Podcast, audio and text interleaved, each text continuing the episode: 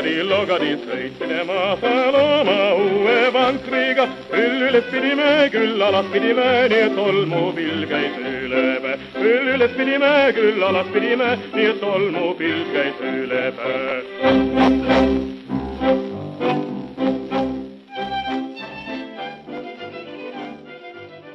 tere kuulama tasku Vikerkaart, mina olen Aro Velmet ja täna räägime Terje Toomistuga, kes kirjutas jaanuari Vikerkaares väga hea artikli, mille pealkirjaks oli sugu ja seksuaalsus eestlaste rändedünaamikas. palun kõigil lugeda. Täna räägimegi mitte ainult soost ja seksuaalsusest, aga äh, rändest laiemalt. Terje, sina uurid oma töös peamiselt Y-põlvkonna rännet. kas sa räägiksid, mille poolest äh, see ränne, mida siis äh, iseloomustab äh, ühinemine Euroopa Liiduga ja sellele järgnenud piiride avanemine, erinevad Ida-Euroopa fenomenid, mille poolest erineb eelnevate põlvkondade rändest, näiteks X-põlvkonnast, kes sai täiskasvanuks siis, kui Eesti Äh, vabanes Nõukogude võimust, ega võib-olla ka varasematest põlvkondadest, kes ikkagi äh, said ju rännata üsnagi vabalt ühel kuuendikul maakerast. Mm.. no äh, esimene asi, mis seda, seda põlvkonda ikkagi eristab eelnenud põlvkondades, on mastaap äh,. ja, ja see ei ole, see ei puuduta ainult siis Eesti inimesi, vaid see on maailmas või vähemalt priviligeeritud äh, ühiskondade puhul selline, selline hoiakuline nihe kus äh, see, et noor inimene pärast keskkooli lõpetamist või pärast mõnda aastat ülikoolis käimist äh, läheb teise riiki, teise kultuuriruumi, nii-öelda maailma avastama kõige laiemas mõttes, aga loomulikult sellega seonduvalt ka siis karjääri perspektiive avardama või, või tööd otsima ja nii edasi. aga et see oli selline, selline laiem, laiem nähtus, mis on viimase paarikümne aastaga ikkagi olnud, et, et ränne noorte hulgas on üleüldiselt kasvanud ja, ja, ja väga-väga-väga väga mastaapselt ja, ja ütleme, et noh, Ida-Euroopa riikide puhul siiski see, mida sa juba mainisid, Euroopa Liidu laienemine oli selline oluline struktuurne muutus, et, et välismaale minek õppima, töötama oli, oli lihtsalt oluliselt palju lihtsam ja, ja seeläbi ka tavapärasem, et äh, oli ka, tekkisid ka uued võimalused kõrgharidusrändeks, erinevad äh, stipendiumi võimalused või, või. Erasmus programmid ja muud taolised jah jah, et need olid ka enne, aga nad lihtsalt noh, neid tekkis juurde tekkisid ka agentuurid, kes vahendasid äh, kõrgharidusrännet, kes aitasid minna Eesti noortel Taani ülikooli või, või, või UK-sse ülikooli ja nii edasi. ja siis äh, noh, veel sellest struktuursetest muutustest äh, noh, hästi kaks olulist asja, et üks on siis äh, odavlennuliinid, mis siis võimaldas sellist mobiilset elustiili viljeleda, minna Eestist ära ja jääda jätkuvalt kontakti Eestiga, käia kasvõi viis korda aastas Eestis oma sõprade ja, ja pere juures ja teine asi siis sidevõimalused. Et, et kui nagu eelnevate põlvkondade peale mõelda, siis noh, ränne oli, oli ikkagi noh, tihtilugu ta oli otsus kogu eluks, ta oli selline oluline otsus, mindi ära ja sa olid ka see, kuna need sidevõimalused olid ikkagi nii palju katkendlikumad, oli siis see ka see eraldumine palju radikaalsem kui võrreldes siis äh, Skype'i põlvkonnaga, kus siis need Skype'i kõned ja, ja Facebook Messengerid ja nii edasi ja nii edasi, et, et, et inimesed, noh, kellega ma olen rääkinud, et olgugi, et nad on füüsiliselt eemal, nad ei tunne, et nad oleksid äh, tegelikult eemal, sellepärast et Facebooki feed on ikkagi tihti eestikeelne. Nad on iganädalaselt oma vanematega äh, Zoom'is või, või Skype'is. et, et selles mõttes see distants nagu on lihtsalt äh, nende sidevõimaluste tõttu nagu saanud hoopis teise tähenduse. nüüd võrdluseks näiteks äh mu ema äh, seitsmekümnendatel õppis Ungaris ja siis ma äh, mäletan, kuidas ta rääkis mulle, et kui, kui suur sündmus oli see, et kui sa said kord kuus kirja, eks ju, oma äh, lähedastelt Eestis, et see on ikkagi hoopis teistsugune äh, distants kui see, kui sa saad äh, vabal hetkel äh, helistada oma sugulastele ja ainukene asi, mis, millele sa mõtlema pead, on ajavahe. jah, ja noh, mis muidugi veel, ütleme, kui nagu Ida-Euroopa või Eesti puhul nagu rääkides, on siis see, see lääne tähendus ka, et kui Nõukogude, noh eelnevate põlvkondade puhul, et siis Nõukogude ajal oli ikkagi sinna teisele poole raudset eesriiet ikkagi väga raske minna, see oli, see võimalus oli väga vähestele välja äh, valitutele. Ja üheksakümnendatel, noh, kui siis see lääs oligi see, see kõikide võimaluste maa, kuhu, kuhu võib-olla paljud tahtsid minna, aga vähestel oli ressurssi sinna minna või võimalust nagu reaalset võimalust sinna minna. et need, kes ma arvan, X põlvkonnast läksid, olid sellised äh, noh, hulljulged seiklejad, et nad tõesti tegid sellise radikaalse sammu ja, ja panid kõik mängu ja eh, noh, üksikud muidugi said ka ülikoolide kaudu, aga, aga valdavalt ikka selline seikluse, seikluse nagu maik on kõige, kogu sellel, sellel eelneval minekul juures. sageli tähendas see kuskil illegaalselt eh, nõude pesemist või midagi taolist, eks ju? jah, jah aga noh, pärast äh, seda, kui Eesti oli liitunud Euroopa Liiduga, siis olid need võimalused lihtsalt nii palju lihtsamad ja ühtlasi see ei olnud ka selline otsus kogu eluks või otsus nagu pikaks ajaks, et, et seda põlvkonda, kes hakkas siis rändama pärast Euroopa Liidu laienemist, et seda iseloomustab ikkagi selline ajutine, ringlev, avatud sihtpunktidega ränne et sa lähed, sa ei mõtle, et sa lähed nüüd Eestist päriselt ära, sa lähed, vaatad, mis saab, järgmine aasta otsustad, et äh, astud sinna magistrantuuri, siis kohtad äh, mingisugust toredat inimest, te armute, siis tuleb mõte minna koos Austraaliasse. et nii-öelda, et üks asi viib teiseni ja hästi paljud, kellega ma olen rääkinud, ongi see, et et, et nagu noh, üks inimene ütles, et ma ei ole Eestist kunagi ära läinud, ma olen lihtsalt Eestist natuke eemal. ups, vahepeal on möödunud üksteist aastat et, et noh, nii see, nii see tihti nagu selle põlvkonna puhul ongi. aga sa ütlesid, et, et see Y-põlvkonna ränne toimub ka hoopis teistsugustel mastaapidel, et kas sa oskad seda konkretiseerida, millistest numbritest me üldse räägime? oh, see, see on ikkagi selline äh, üldse migratsiooniuuringute nagu jackpot äh, küsimus, et, et kui palju siis rännatakse, sest et, äh, et ei ole ikkagi väga äh, täpselt ülevaadet nendest numbritest äh, ja, ja väga nagu arusaadavatel põhjustel, et, et Euroopa tööjõu vaba liikumise tingimustes ei ole kellelgi kohustust äh, kuskile kirja panna, et ma nüüd läksin Eestist ära, ennast välja registreerida koduselt aadressilt. Ja sellepärast on nagu kogu sellisest rände, rännet puudutavatest andmetest päris palju hägusust. Et me tegelikult ei tea, kus need inimesed on, seda enam, et, et see ränne on tihti ajutine, Nad võib-olla käivad jätkuvalt Eestis hambaarsti juures ja jätavad Eesti andmebaasidesse mitmesuguseid jälgi ja, ja neil on siis nagu sissekirjutus ka Eestis olemas, et kus nad siis päriselt asuvad. et sellepärast ei ole nagu noh, tegelikult ikkagi head ülevaadet, aga, aga, aga, aga jah, et, et ta nagu, ta on ikkagi kasvanud äh, kahe, äh, kahe tuhandete algusest kuni siis viimase kümnendini niimoodi, et iga viie aasta tagant on see väljaränne ka kahekordistunud. aga et noh, Statistikaameti andmed annavad mingi pildi, aga see pilt ei ole kindlasti mitte ammendav ma kujutan ette, et, et nende inimeste hulgas on ka päris palju selliseid inimesi, kes ei olegi tõesti otseselt välja rännanud, et nad võib-olla veedavad kuus kuud aastast Eestis, kuus kuud kuskil soojal maal või, või mingisuguses teises riigis, kus neil töökoht on ähm, või siis on see seitse kuud ja viis kuud või kaheksa kuud ja neli kuud, aga siis on ikkagi, tundub natukene keeruline defineerida neid kui äh, väljarändajaid. Mm, ja, ja seda kindlasti, et, et meil oli selle projekti raames oli, oli oli suur äh, veebiküsitlus, millele vastas üle kahe tuhande inimese, just siis nii-öelda see Y-põlvkonna inimesed vanuses, nad olid natuke isegi nooremad, võib-olla kakskümmend kuni kolmkümmend viis oli meil seal küsitluse sihtgrupp, et kuigi Y-põlvkond on ilmselt kuni tänapäeval kuni nelikümmend, et sealt nende vastajate hulgas umbes kümnendik oli, olid siis sellised, kes elavad nagu paralleelselt äh, Eestis ja mõnes välisriigis äh, ja ja üllatavalt paljud inimesed nimetasid ennast ka digi, diginomaadideks. et see on ka nagu selline tõusev trend selle põlvkonna hulgas, et sa saad teha eriti pärast nüüd seda pandeemiat äh, asukohast sõltumatut tööd. ja see on ka see, mida mida tõesti kolmandik meie küsitlusele vastanutest nagu kujutab oma tulevikus ja nad soovivad teha asukohast sõltumatut tööd just selle mõttega, et neil oleks võimalik siis seda mobiilset elustiili jätkata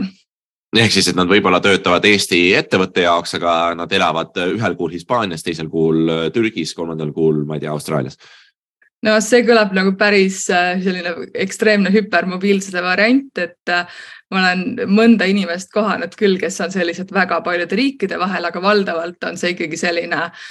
noh, kaks riiki, et, et sul on mingi koht, kuhu sa lähed või siis on tõesti see, et sa talvitud kuskil mujal ka äh, üks aspekt selle kahe tuhande pealise küsitluse juures, mida sa äh, äsja mainisid, on see, et äh, nagu su artiklist tuleb välja siis, siis kaheksakümmend protsenti nendest äh, inimestest, kes sellele küsitlusele vastasid, olid naised. Ja see küll äh, tundub, ütleme kuidagi kahtlane. Et see ei ole ilmselt äh, representatiivne äh, üldise rändepildi osas, et, et tegelikult on ju neid mehi kes Eestist välja rändavad palju rohkem, mõtleme kasvõi Kalevipojad, kes käivad äh, Soomes tööl, mis on ju ka ikkagi väljaränne.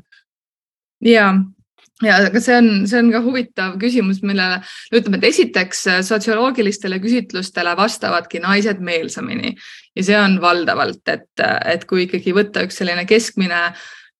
küsitlusandmestik, siis seal valdavalt on tõesti rohkem vastanud, äh, vasta, rohkem naisi, kes vastasid, et, et see on nagu mingis mõttes paratamatu, aga meil tõesti need käärid läksid väga suureks. Ja, ja, ja me ei tea täpselt, et mis selle taga võis olla, sest et äh, vähemalt need noh, siiski puudulikud Statistikaameti andmed ei näita, et, et oleks nüüd äh, sugude vahel nagu väga suured käärid, kuigi kahekümnendate alguses äh, läheb natuke rohkem naisi välja ja kolmekümnendate alguses läheb rohkem äh, mehi välja, et võib-olla mingil määral seal midagi on. kahekümnendate ja kolmekümnendate all, siis sa mõtled vanust, jah? Jah, vanu, jah, vanuse all, et, et ütleme, et võib sealt siis eeldada, et võib-olla naised lähevad rohkem välismaale ülikoolidesse ja mehed siis võib-olla rohkem kolmekümnendate alguses välismaale tööle, kui on pere loomisega tegemist ja, ja tekib, tekib tunne, et on vaja oma majanduslikku perspektiivi parandada. et aga, aga mis seal taga võib olla? või pere juurest minema saada ja aga noh, et kas seal taga võib olla midagi sellist, et, et kas eestlastele läheb, kas Eesti naistele lähebki rohkem korda näiteks äh, oma ähm, rahvuslik kuuluvus või, või side Eestiga või et need küsimused, äh, mida me tõstatasime seal küsitluses, et lihtsalt puudutavadki naisi rohkem. et seda, seda on nagu raske, raske nagu öelda, aga võib lihtsalt spekuleerida, et äkki midagi sellist on aga, aga kuna meil oli,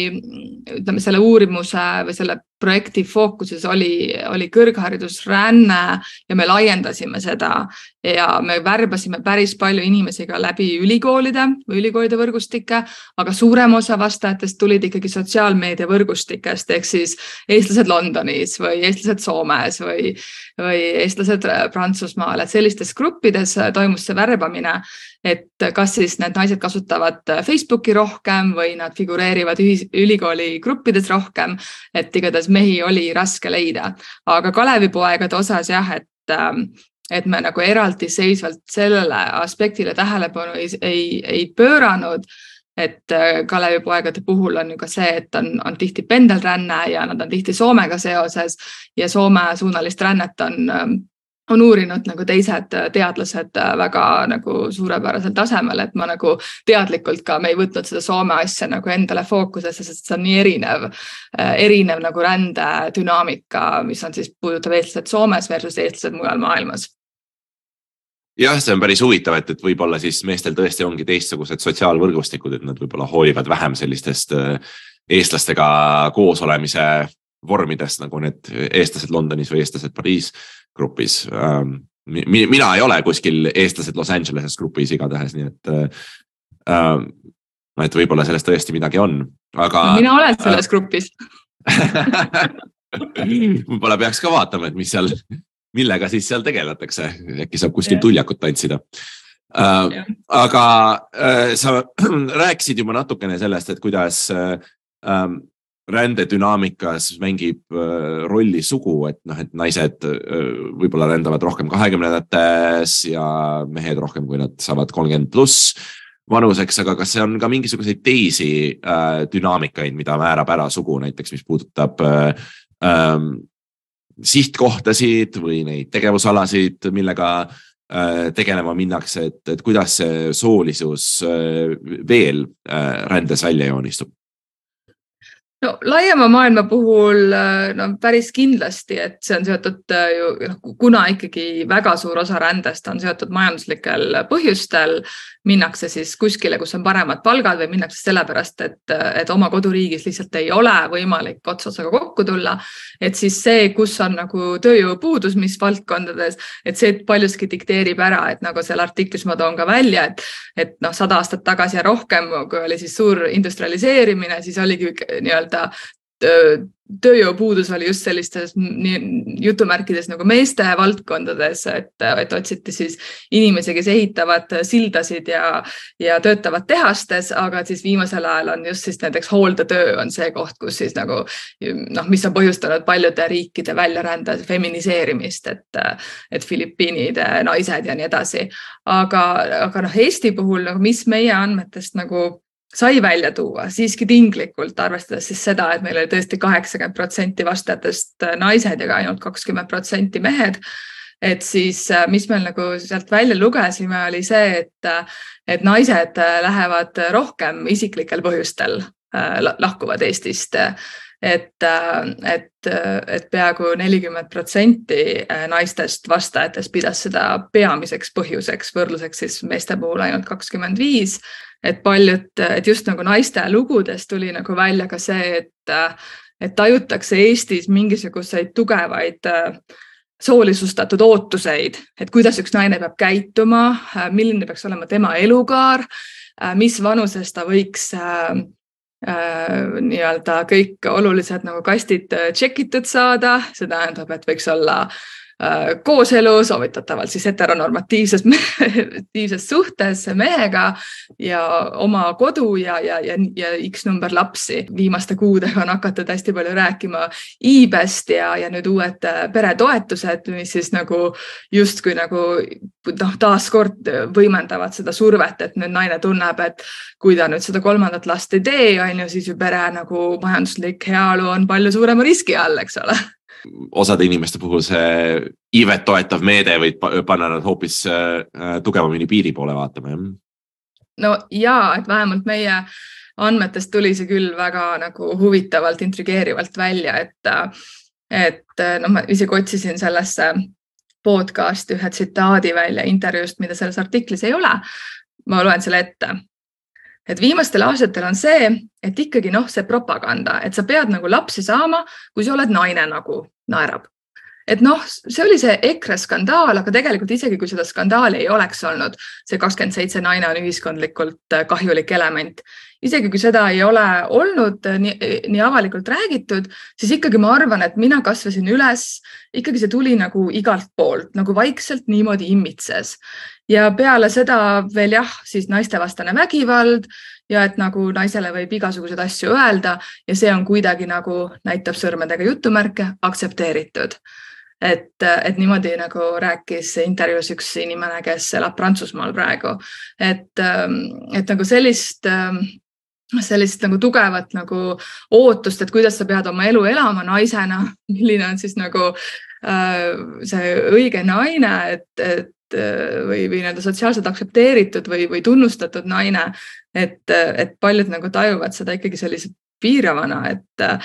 ja, ja sealt nagu edasi võib nagu mõelda selle peale ka, et kas sa siis, kas sa saad olla ka eestlane, kui sa ei,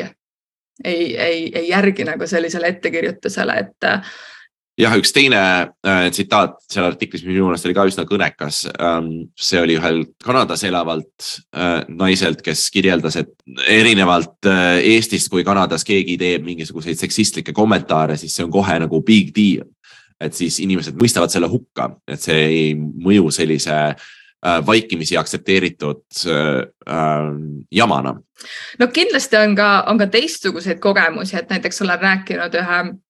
Portugalis elava äh, naisega, kes ütleb, et äh, tema on, äh, tema siis kolis Portugali armastuse pärast ja, ja ta on teinud ikkagi nii erialases kui ka finantsilises plaanis tohutuid möönduseid, kuna patriarhaat Portugalis on, on märksa tugevamalt juurdunud kui Eestis. et vähemalt selles valdkonnas, kus ta töötab, teda naisena Portugalis ei aktsepteerita ja tal on ikka väga tugev klaaslagi seal ees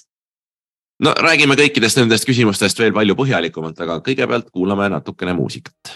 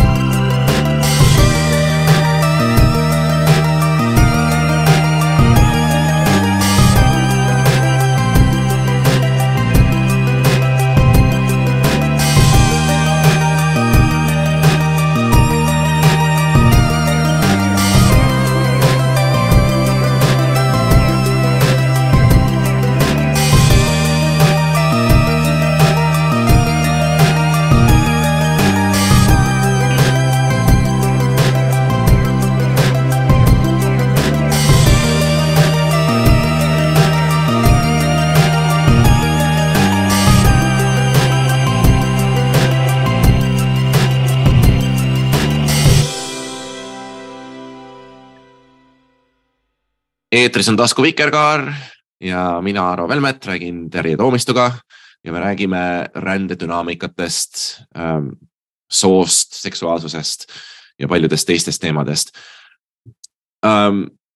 kuidas see siis täpselt välja näeb, kui ähm, inimene kolib Eestist ära perekonna pärast, sellepärast et tal tekib suhe äh,? kas sa kirjeldaksid mingisugust sellist tüüpstsenaariumi mm.? no see tüüpstsenaarium no, no näiteks üks lugu, et, et no see on täiesti nagu muinasjutt, et, et inimene on, on Tallinna vanalinnas baaris, nähakse üksteist, pilgud käivad, kaks tundi hiljem järgmises baaris nähakse üksteist taaskord, aga siis juba alustatakse juttu, siis hakatakse kirju vahetama siis käiakse üksteisel külas mõned korrad ja pool aastat hiljem seda, seda ka selle kaugsuhe nii-öelda edenedes öö, otsustab siis naine Äh, Eestist, et äh, kuna teda, teda siin mitte miski kinni ei hoia, siis ta nüüd äh, annab selle võimaluse sellele suhtele ja kolib siis mehe kodulinna Lääne-Euroopas. et noh, üks selline muinasjutt on ja mõni on koht, kohtunud sellisel kombel nagu oma elukaaslast kuskil reisil ähm,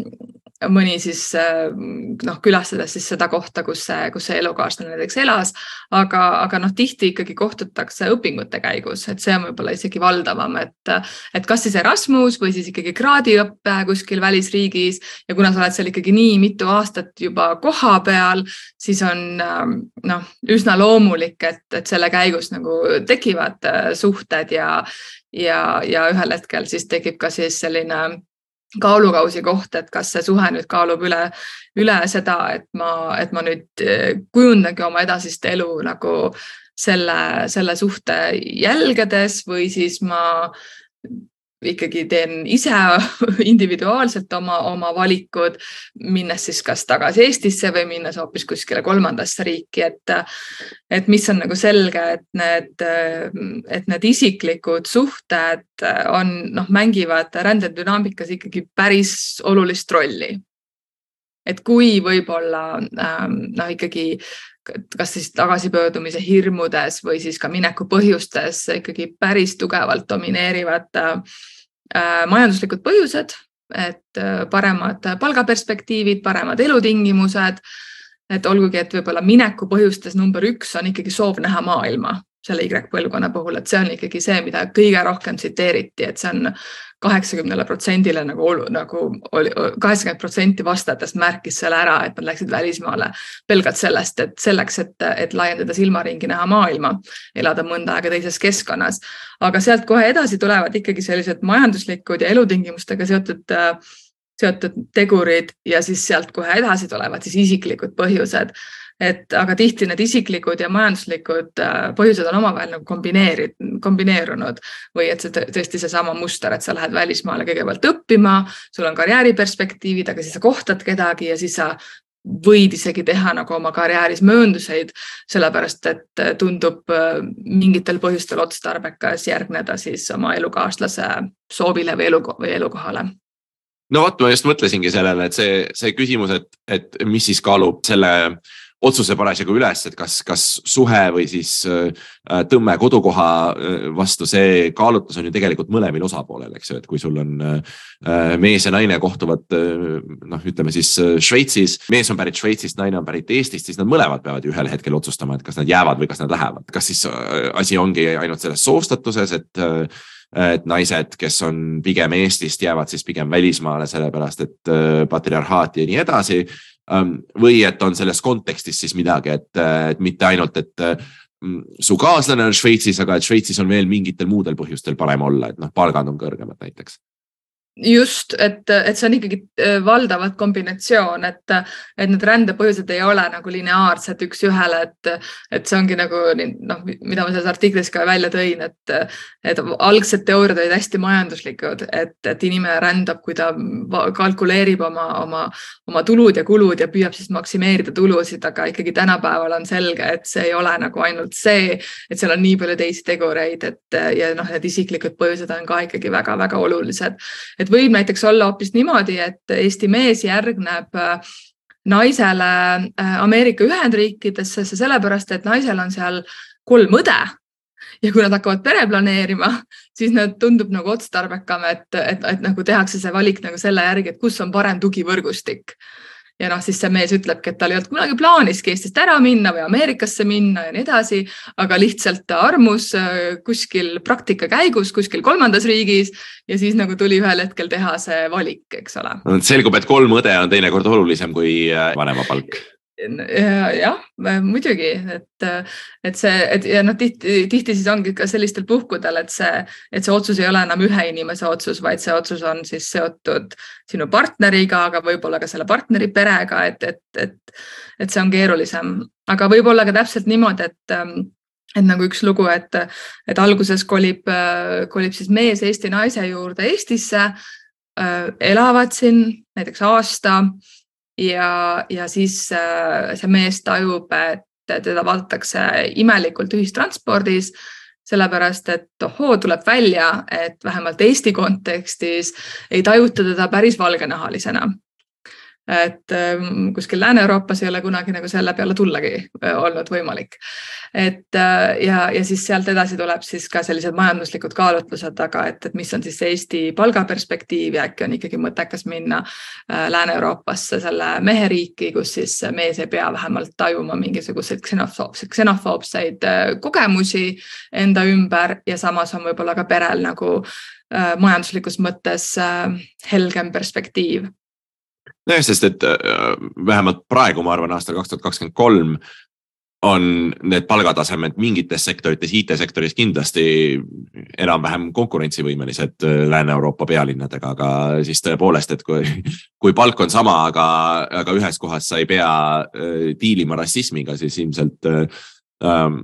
on lihtsam valida seda kohta, kus sa rassismiga diilima ei pea ja, ja kindlasti, aga siiski äh, ma ei alahindaks nagu palgaerinevuste nagu jõudu äh,. vähemalt meie andmete põhjal see tuleb ikkagi päris tugevalt äh, välja, et, et kardetakse palgavaesust ja, ja nii paljude inimestega, kellega ma olen ka vestelnud, et just see, et nad ei ole nagu absoluutselt vaesed, aga just see palgavaesuse küsimus, et, et sa töötad näiteks loomaarstina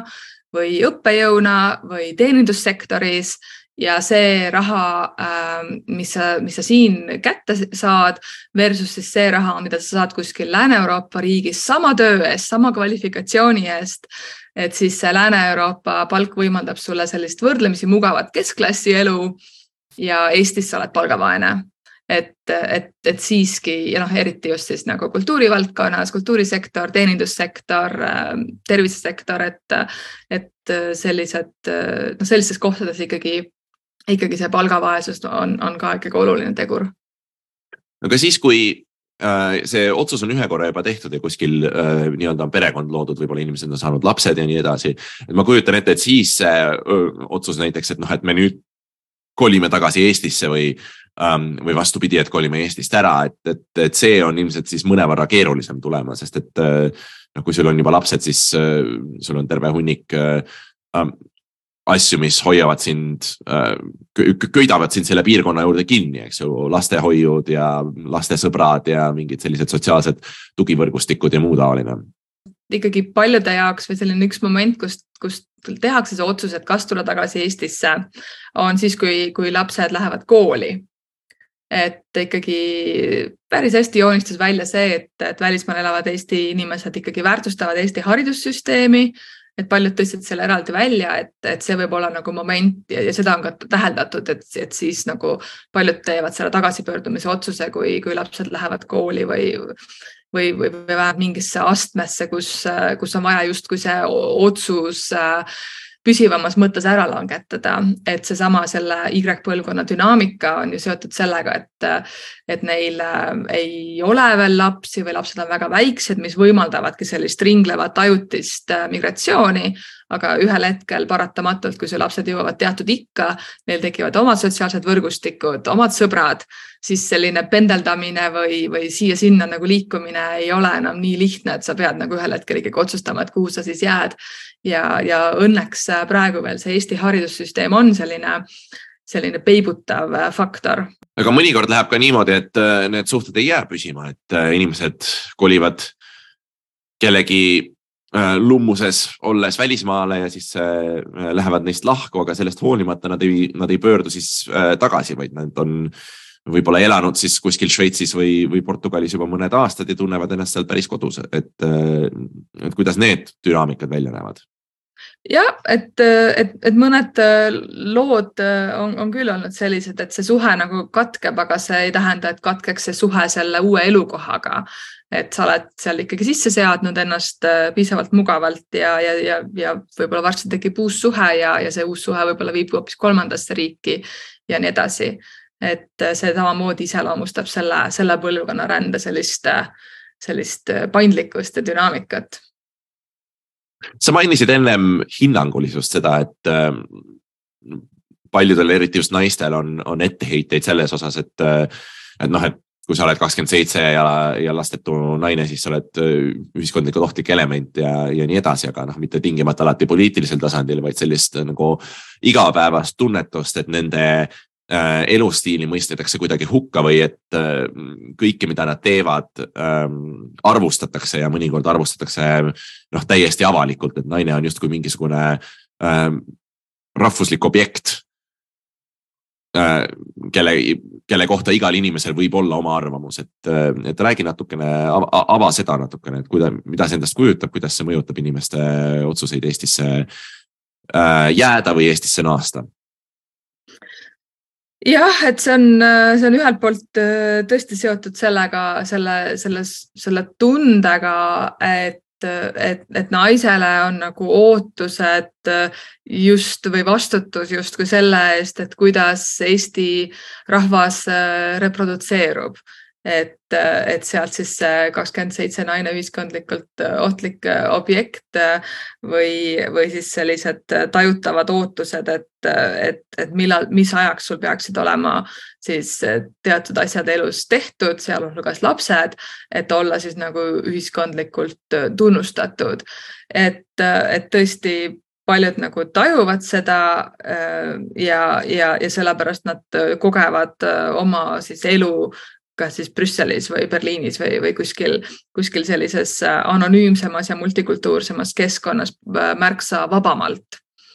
aga noh, teiselt poolt on see siis ka seotud sellega, et, äh, et kes on selle naise elu, elukaaslased ja, ja, ja sealt on võib-olla see isegi see vaatepilt nagu veelgi õõvastavam, et, et kui on noh, selles artiklis ma viitlen ka kogemusele, kui on, kui on naisel on äh, mustanahaline partner äh, Inglismaalt ja, ja, ja kuidas ta nagu Eestis,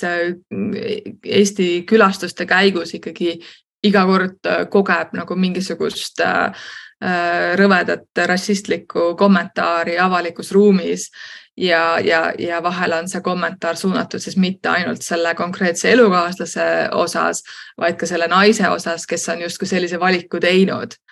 Et, et sealt tuleb ikkagi üsna selline sünge pilt, et, et kui nüüd see naine rahvusliku objektina, et kas siis tõesti ka naise nagu partneri valikud kuuluvad kritiseerimisele. Ja, ja sealt on siis ka see äh, päris nagu, nagu mahlakas äh, Äh, väljaütlemine äh, Lillilt äh, dokumentaalfilmis Põlvkond piiri taga, noh, et see film valmis ka selle uurimustööga seonduvalt, et, et seal ta ütleb ka, et, et kui nagu eestlaseks olemist piiritletakse selle kaudu, et millised partnerid mul on, siis ei ole see Eesti, kus ma näen oma tulevikku. Selles kontekstis ei ole vist suur ime, et paljude inimeste jaoks on väljaränne ka selline päästerõngas, et kui sa ei sobitu väga hästi sellise heteronormatiivse ja, ja valgenahalise kuvandiga Eesti rahvuslikust lindast või Kalevist, et äh, siis võibki sind tõmmata kuskile Berliini või, või San Franciscosse näiteks, kus ähm, LGBT kogukonda kuuluvad inimesed saavad ennast päriselt tunda anonüümselt ja massi, massi kuuluvalt ja mitte ähm, pideva kriitika või siis veelgi hullem vägivalla ohu all. Ja absoluutselt, et sellele, sellele ma pöörasin nagu eraldi tähelepanu selles artiklis ka, et, et tõesti ränne võib toimuda ka eneseväärikuse ja autonoomia nimel. et, et mitte siis ainult nagu soorollide mõttes, vaid ka tõesti selles mõttes, et kes sa, kes sa inimesena oled ja milline on sinu partneri valik, on ju, mitte ainult eestlane versus välismaalane, vaid ka, vaid ka soolises mõttes. et tõesti noh, on äh, noh, eks, eks muidugi need arvamused erinevad ka, et, et noh, nendega kellega ma olen rääkinud, kes on, kes kuuluvad seksuaalvähemuste hulka, aga, aga siiski noh, et, et, et ühelt poolt tuleb välja tõesti selline nagu toon, et, et miks ma peaksin panema ennast tagasi olukorda, kus ma olen teistsugune, kus ma kogu aeg paistan välja, kus äh, põhiteema, mille kaudu mind defineeritakse, on see, milline on minu seksuaalne orientatsioon, erinevalt siis sellest, et millega ma tegelen või milline inimene ma olen või millised on minu oskused ja, ja kui ja, ja nii-öelda võimekus nagu tööturul näiteks. Et äh, versus siis nagu see teema noh, pehmem teema on siis see, et, et et nagu inimene võib-olla ei taju nagu seda, aga ta siiski kogu selle kooseluseaduse ümber toimunud äh, tralliga või siis ka selle abielureferendumi ümber toimunud tralliga äh, noh, kahtleb sügavalt, et kas ta ikkagi saab tulla Eestisse, kas ta on siin turvaline oma, oma samasoolisest partneriga. Et, et ikkagi ta nagu, et kui ta ei ole, ütleme, peamine põhjus mõne inimese jaoks, on ta ikkagi nagu oluline kaasnev põhjus, et, et kokkuvõttes ju, mis loob selle, selle kodutunde või, või kuuluvuse tunde, on see, kui sa saad tunda ennast turvalisena ja aktsepteeritud, et see on nagu nii inimlik äh, ja nii nagu elementaarne asi, et, et et kui sa nagu ikkagi tajud ohtu selles vallas, siis, siis sa teed endale nagu mugavama valiku. Või valiku, mis vähemalt võimaldab sul lihtsalt olla sina ise, eks ole, et, et see on nagu väga kompleksne, kompleksne ja kihiline teema, aga, aga see ja noh, ütleme, et kui me kogu nagu rändemassist räägime, et see on nagu tõesti nagu väike osa, noh, keda see puudutab, on ju LGBT kogukonda aga, aga siiski noh, ta on ikkagi märkimisväärne. Ja äh, mida ma tahan siia veel lisada, on see, et, äh, et, äh, et kuigi need inimesed, noh, võib-olla nende inimeste hulk on väike, siis nende inimeste hulk, kes tajuvad seda olulise nii-öelda väärtusruumi piiranguna Eestis on ikkagi märksa-märksa suurem. et ähm, et see ei pruugi sind isi, isiklikult ohustada, aga see on selline halb vibe ja siis, kui sa teed oma peas sellist äh, äh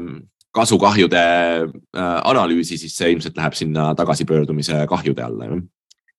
no ma ütlesin, et mul on siin mingid värsked äh, veel avaldamata, täiesti avaldamata andmed just ahjust, äh, analüüsi, analüütiku ahjust tulnud, et, et noh, näiteks äh, küsisime siis tagasipöördumise nagu, et, et mis soodustaks inimeste tagasipöördumist. Need, kes viitasid poliitilistele muutustele, küsisime siis juurde avatud küsimuse korras, et millistele poliitilistele Äh, muutustele, et, et mis, mis võiks poliitikas muutuda, et, et see soodustaks siis tagasipöördumist. ja, ja ikkagi väga palju mainiti LGBT pluss äh, kogukonna õiguste küsimust ja mis nagu veelgi huvitavam, mis nagu sellest poliitikaalastest muudatust, muudatustest nagu välja joonistus, on siis ikkagi kriitika parempopulismi suhtes, äh, konkreetselt EKRE tegevuse suhtes ja, ja teiselt poolt siis jah, soov, et ühiskond oleks avatum, tolerantsem ja, ja LGBTQ pluss õigustega tegelemine oleks, oleks nagu prioriteedis. et, et need olid ikkagi nagu väga tugevalt joonistas välja, et, et olgugi, et tõesti nagu võib-olla inimeste hulk, kes kuuluvad ise seksuaalvähemuste kogukonda, on võib-olla mastaabis väiksem, äh, aga nende inimeste hulk, kes tajuvad seda ikkagi riivava väärtusruumi piiranguna, mis mõjutab nende tagasipöördumise otsust, on, on oluliselt palju suurem et selles mõttes see, see puudutab ikkagi noh, väga nagu märkimisväärset hulka Y-põlvkonna nagu inimestest, kes, kellel tagasipöördumise mõte on ikkagi kuklas ja neid inimesi on noh, on ikkagi päris palju, et meie küsitluse andmetest kolm neljandikku välismaal elavatest noortest mõtleb tagasipöördumise peale. kuulame vahepeal jälle natukene muusikat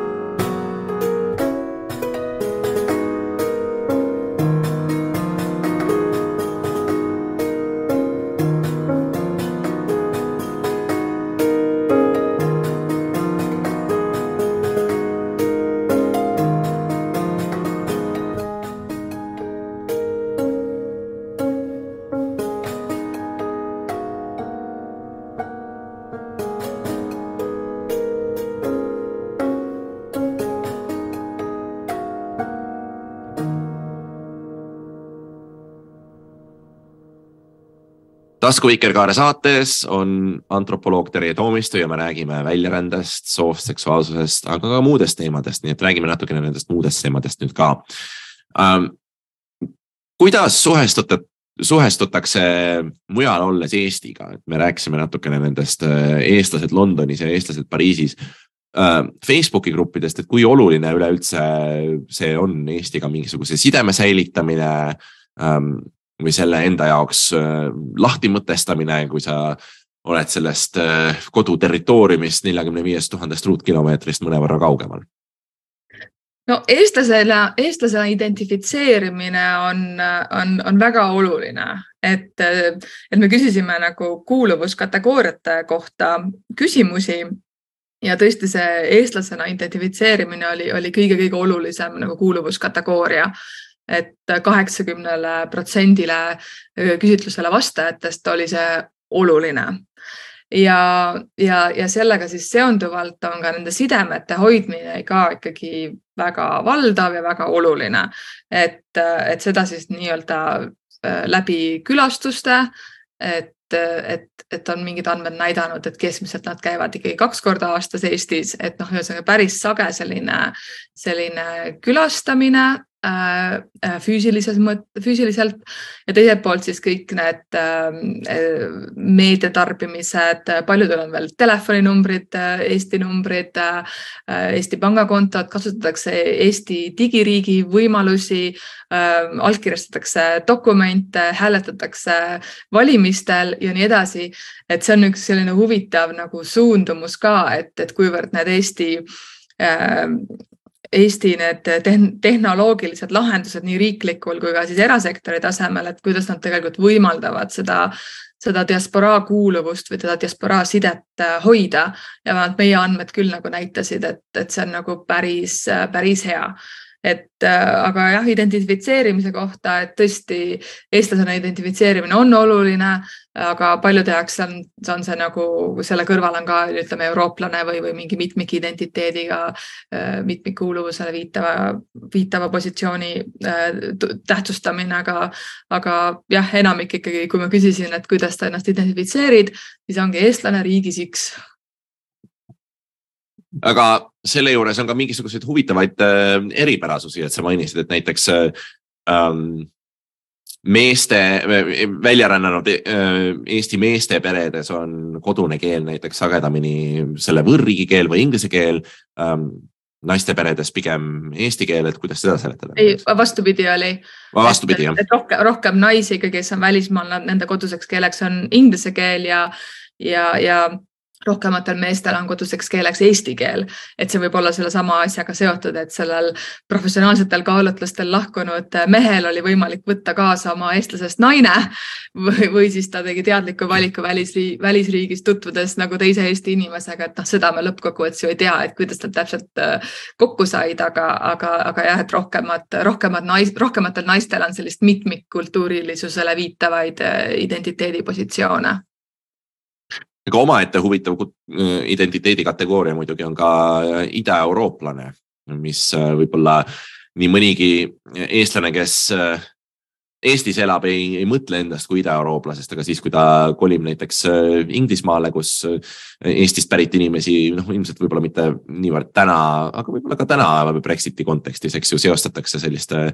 ähm, Poola torumeeste ja, ja teiste negatiivsete stereotüüpidega, et, et siis talle tuletatakse kiiresti meelde, et, äh, et ole sa siin äh,, pea, sa võid ju ennast eestlaseks või põhjaeurooplaseks või äh, juuli piirkonda kuuluvaks inimeseks äh, pidada, aga meie jaoks oled sa Ida-Euroopa immigrant nagu nad kõik teisedki. et ähm, kuidas äh,, kuidas see kogemus äh, inimestel välja näeb? No see on hästi-hästi põnev äh, teema, mis oli minu jaoks ikkagi üllatav, et selles samas küsitluses, kui me küsisime kuuluvuskategooriate kohta, siis äh, idaeurooplaseks, idaeurooplasena identifitseeriti ikkagi väga vähe. et äh, et isegi meelsamini nimetati ennast lääne-eurooplasteks ja siis oli kohe ahaa, et, et, et miks küll nii, et noh, muidugi teatud määral see võib olla sellega, et see inimene juba parasjagu elab Lääne-Euroopa riigis ja sellepärast ta nimetab ennast lääne-eurooplaseks. aga ma arvan, et ehk enamgi on see seotud sellega, sellesama, selle, sellesama nähtusega, millele sa viitasid, et, et kui toimus Euroopa Liiduga laienemine, ühelt poolt hurraa, on ju noh, ligi viis miljonit Ida-Euroopa töötaja, töötajat läks siis Lääne-Euroopa riikidesse, et noh, see on muidugi spekulatsioon, täpselt neid numbreid ei tea, aga esimeste aastatega mindi kohe miljon, aga pärast seda vist, vist on isegi väidetud, et neli ja pool miljonit äh, nii-öelda suurenes siis äh, Lääne-Euroopa riikide elanikkond Ida-Euroopa sisserändajate arvelt. Ja sealt siis tekkisid sellised sotsiaalsed ärevused Lääne-Euroopas just siis seotud sellega, et,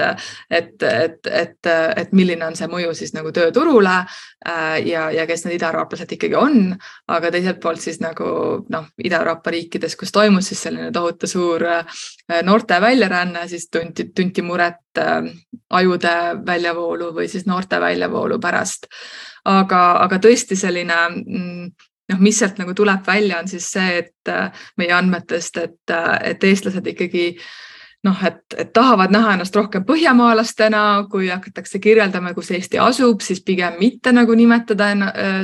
naabrust Venemaaga, pigem nimetada Rootsi ja Soome ja et kuidagi nagu sellest Ida-Euroopa kuuluvusest või geograafilisest kuuluvusest kuidagi nagu ennast distantseeruda seoses siis sellesama stereotüübiga,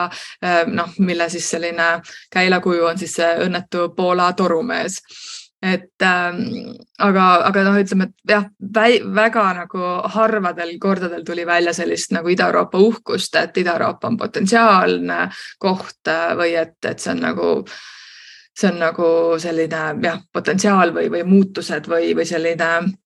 selline nagu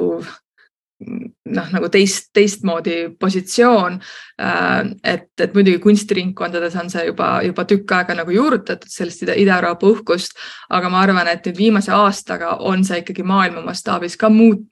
muutunud seoses siis Ukrainas toimuva sõjaga, kus siis idaeurooplased on näidanud ennast nagu väga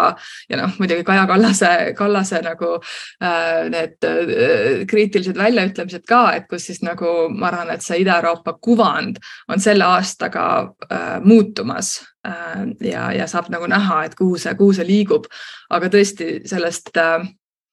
Ida-Euroopa teemast rääkides on nagu noh, mis oli hästi huvitav, mis tuli välja, on siis see, et et, et tajutakse ka Eesti ühiskonnas teatud jooni või väärtuseid või käitumismustreid, mida seostatakse äh, Ida-Euroopa mentaliteediga ja noh, ja see tuli tõesti intervjuudest väga nagu ilusti välja, et, et noh, mingisugune, mingi mentaliteet on ja mingi Ida-Euroopa värk, et see nagu ei meeldi et, et mõni ütleb, et mulle väga meeldib Eestimaa, mulle meeldivad laulupeod, rabad, metsad, loodus, teater, aga vot see, aga see, aga see Ida-Euroopa mentaliteet, mingi nõuka, et ühesõnaga seda seostatakse ka nagu nõukogude ajaga või nõukogude sellise mentaalse pärandina. Ja, ja ütleme noh, mis selle alla kuulub, on siis on siis ühelt poolt poliitiline kultuur on ju, kuidas, kuidas üldse nagu avalikkuses räägitakse, teiselt poolt siis äh, inimesed teenindussektoris, ühistranspordis, kibestunud, vihased äh,, äh mossis äh, inimesed, et üksteisele hästi ei öelda, kiidusõna ei avaldata, kadedus, et nagu sellised, äh, sellised ähm, nüansid ja siis te, veel kokkuvõttes äh, ka, ka see teema, millest me juba rääkisime, et siis ka mingisugused šovinistlikud jooned või see, kuidas suhtutakse siis äh, jah, kui palju tolereeritakse siis erinevuseid selles kogukonnas? no ma ei saa jätta äh, küsimata, kuna sa juba mainisid neid ahjusoojasid äh, andmeid, et äh, on sul seal veel midagi, mida sa tahaksid eksklusiivselt meile välja käia? no tagasipöördumisest rääkides, et ähm, et noh, mis on nagu huvitav, äh, mis tuli välja meie andmetes, on siis see, et, et kes lahkusid Eestist peamiselt majanduslikel põhjustel, et nemad naasevad äh, suhteliselt väiksema tõenäosusega. Et kui sa ikkagi oled läinud ära siit majandusliku kitsikuse pärast, siis sa muretsed ka nende palgaerinevuste pärast, sa, sul on hirm majandusliku hakkamasaamise pärast või elukvaliteedi langemise pärast. et see on siis selline peamine tagasipöördumist takistav tegur äh, nendele majanduslikel põhjustel läinud äh, puhul aga need, kes läksid professionaalsetel kaalutlustel, et see on nagu päris nagu selline huvitav, et nad nagu isegi pigem pöörduvad tagasi et me ei tea täpselt, miks see nii on. et kas nende nende ekspertiis välismaal ei leia piisavalt toetust või selle taga on mingid muud tegurid, aga, aga vähemalt ta nagu näitab seda, et selline teoreetiliselt, teoreetiliselt ajude ringlus on Eesti puhul võimalik, et seda võiks kindlasti ka siis diasporaa poliitika toetada, et need, kes lähevad erialastel professionaalsetel kaalutlustel välismaale, et nad leiaksid ka siis tee ja ka soovi tagasi Eestisse äh, pöörduda aga aitäh, Terje, selle väga huvitava vestluse eest. Ähm, Terje Toomistu artiklit võite lugeda jaanuarikuu Vikerkaares äh, ja eks ta kirjutab meile äh, sagedasti, et on teisigi asju temalt äh, lähitulevikus ilmumas.